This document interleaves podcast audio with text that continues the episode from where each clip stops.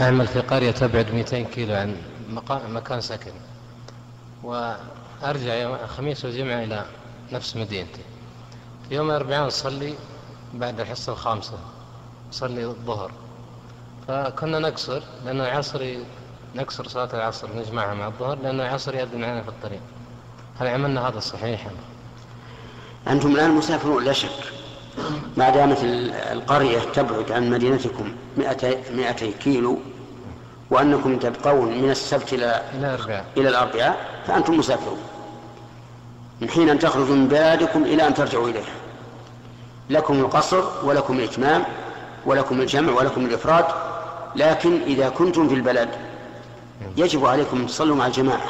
نعم نصلي إنما إن فاتت الإنسان الجماعة فله أن يقصر. نعم